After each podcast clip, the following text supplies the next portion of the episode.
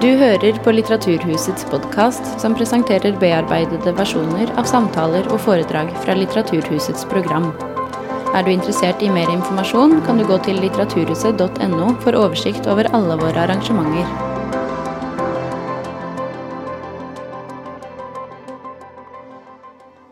Jon Fosse debuterte med romanen 'Rødt svart' i 1983, det samme året som jeg kom til Norge.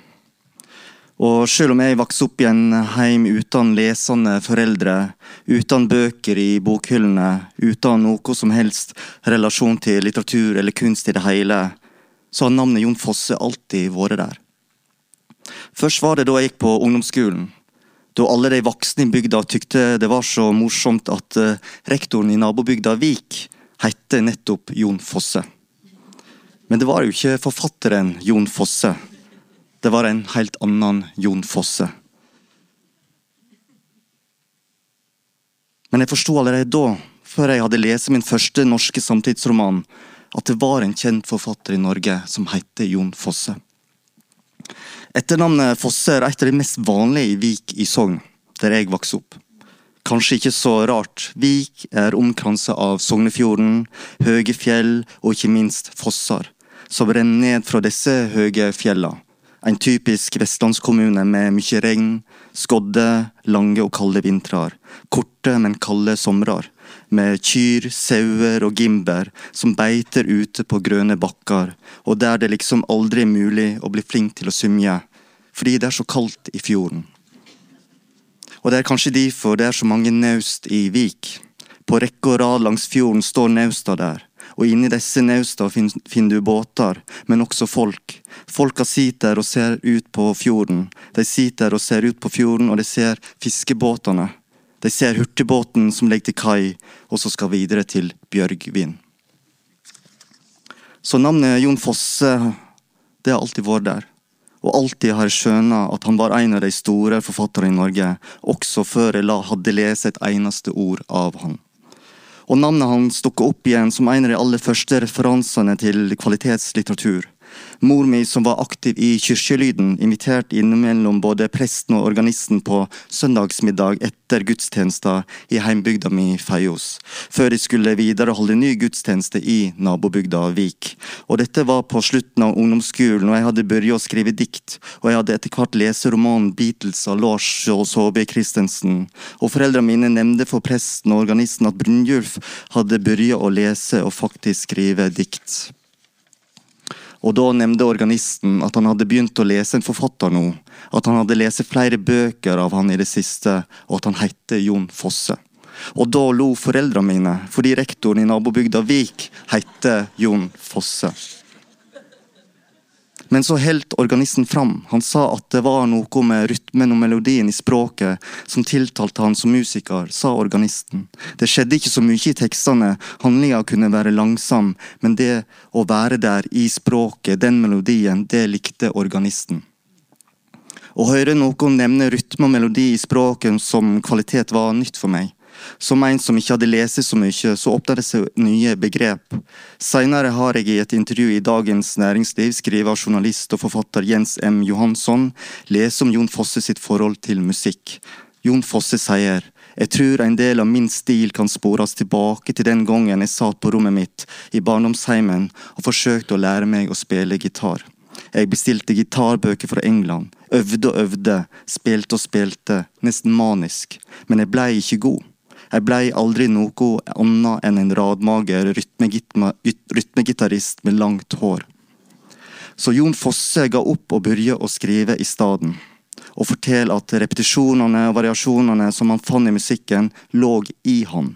De bare var der. Og at han fremdeles kjenner at det er en sang han prøver å skrive. Én sang, spør journalisten. Ja, den ene sangen. Men du hører ikke på musikk lenger, spør journalisten. Nei, jeg er på et vis redd for musikk, svarer Fosse. Redd, spør journalisten. Ja, svarer Fosse.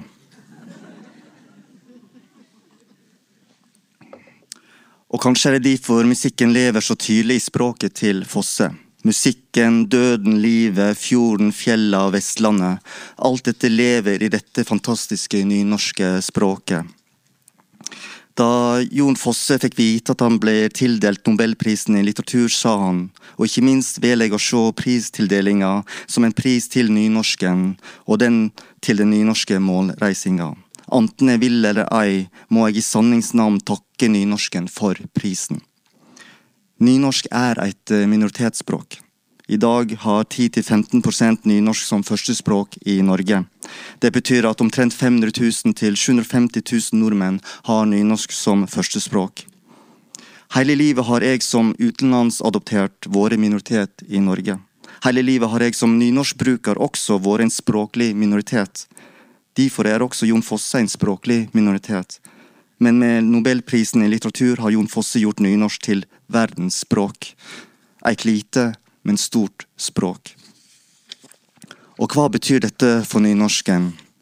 Det kan bety mye, og sannsynligvis veit vi ikke omfanget ennå, men jeg veit hva det betyr for meg som nynorsk forfatter.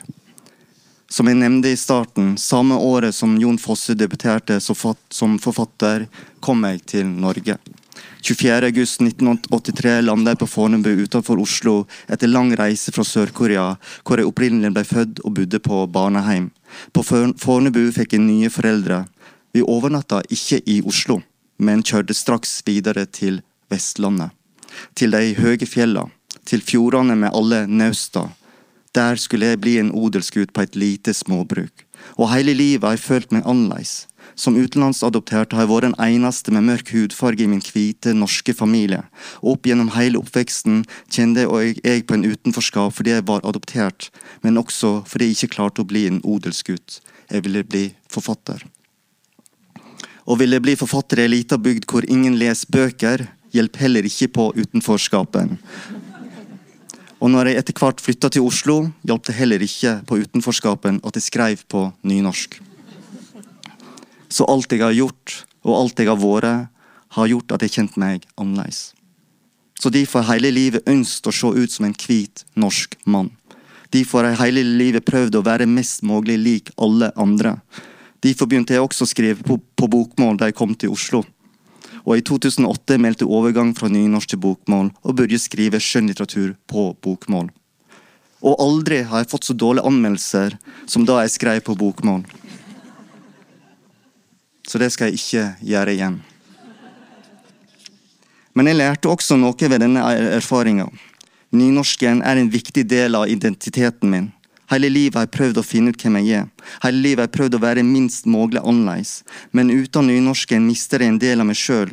Jeg mister garden som jeg alltid skriver om. Jeg mister trea, fjorden og fjella, som jeg alltid skriver om. Jeg mister luktene og lydene som jeg vokste opp med. Likevel som nynorskforfatter møter en ofte motstand og fordommer. Men når Jon Fosse tilegner nobelprisen til nynorsken, gir han nynorsken til et verdensspråk, og han gir meg som nynorskforfatter ekstra sjøltillit.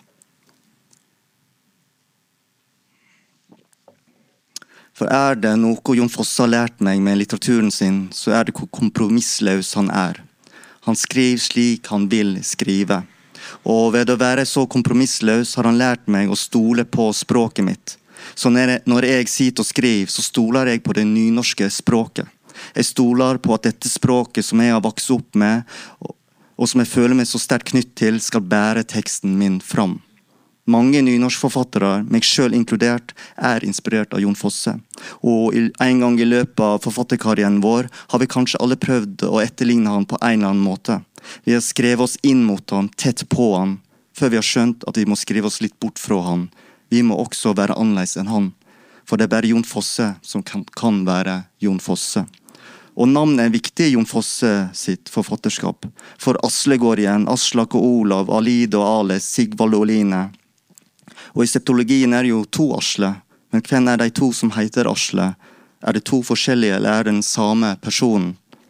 Jeg har som sagt levd hele livet og følt meg annerledes. Jeg tenker at Jon Fosse også har følt seg annerledes hele livet. For selv om det fins en rektor i Vik i Sogn som heter det samme som han, så er det bare forfatteren Jon Fosse som kan være Jon Fosse. Sjøl har jeg ingen andre som deler mitt navn. Det fins ingen andre i Norge som heter Brynjulf Kjønn. Den førre, som heter Brunjuft Kjønn, døde i 1972 og var farfaren min. Og han både så annerledes ut enn meg, og var helt annerledes enn meg. Men er det ikke bra å være annerledes? For er ikke Jon Fosse nettopp annerledes enn alle andre forfattere? Er ikke nettopp Jon Fosse annerledes enn alle andre dramatikere? Er ikke nettopp, nettopp derfor at han er annerledes, så original, så spesiell, så unik, som gjør at han nå får nobelprisen i litteratur? For ingen forfattere får nobelprisen i litteratur ved å være lik alle andre.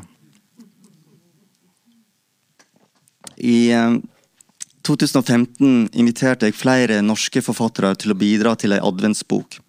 Jeg spurte Jon Fosse om en tekst, og snart kom det ei lita fortelling. Her møter vi Asle og Åsleik rett før jul, og Åsleik og Asle begynner å snakke om julemat, om pinnekjøtt og lutefisk, og Asleik begynner å tenke på at han har fiska fisken og sløyd han og turka han og luta han, og han har ala opp gimbera og slakta henne og flådd henne og salta og røykt kjøttet, og Asle tenker at han aldri har likt jula, for det er noe vondt med jula. Dette var første gang jeg noen gang har lest om en gimber i litteraturen.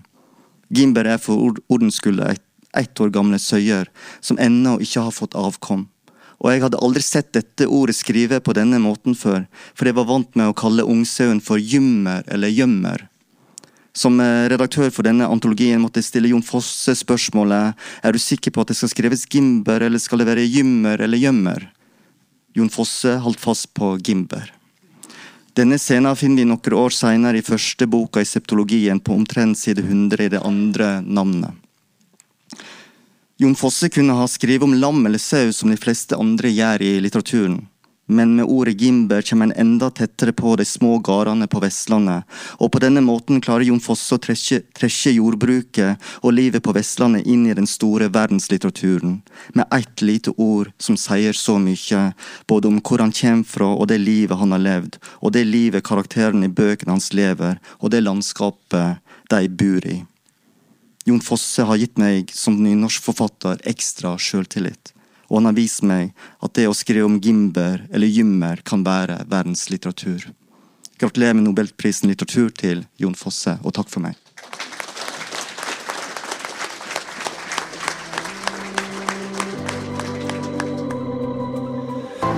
Du har hørt på Litteraturhusets podkast, som presenterer bearbeidede versjoner av samtaler og foredrag fra Litteraturhusets program. Del gjerne podkasten med familie og venner via iTunes eller Soundcloud om du liker det du har hørt. Følg oss også på Facebook og på litteraturhuset.no for informasjon om flere aktuelle arrangementer. Musikken er laget av Apotek.